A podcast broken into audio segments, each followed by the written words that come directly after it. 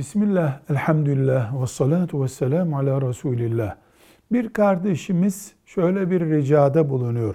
Seyyidül istiğfar duasını siz şöyle güzel okusanız da ben de onu sürekli dinlesem ben Seyyidül istiğfar okumuş gibi sevap kazanır, tövbemi yapmış olur muyum diyor.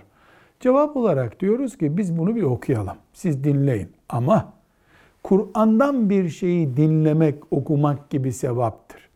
İstiğfar etmek, dua etmekle ilgili şeylerde muhtaç olan kimse kendisi yapmalı bunu. Seyyidül istiğfar adı üstünde istiğfardır.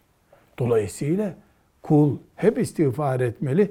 Birisinin istiğfarını dinlemek istiğfar olmaz. Seyyidül istiğfar şudur. اللهم أنت ربي لا إله إلا أنت خلقتني. أنا عبدك وأنا على عهدك ووعدك ما استطعت. أعوذ بك من شر ما صنعت. أبوء لك بنعمتك علي وأبوء بذنبي. فاغفر لي فإنه لا يغفر الذنوب إلا أنت. والحمد لله رب العالمين.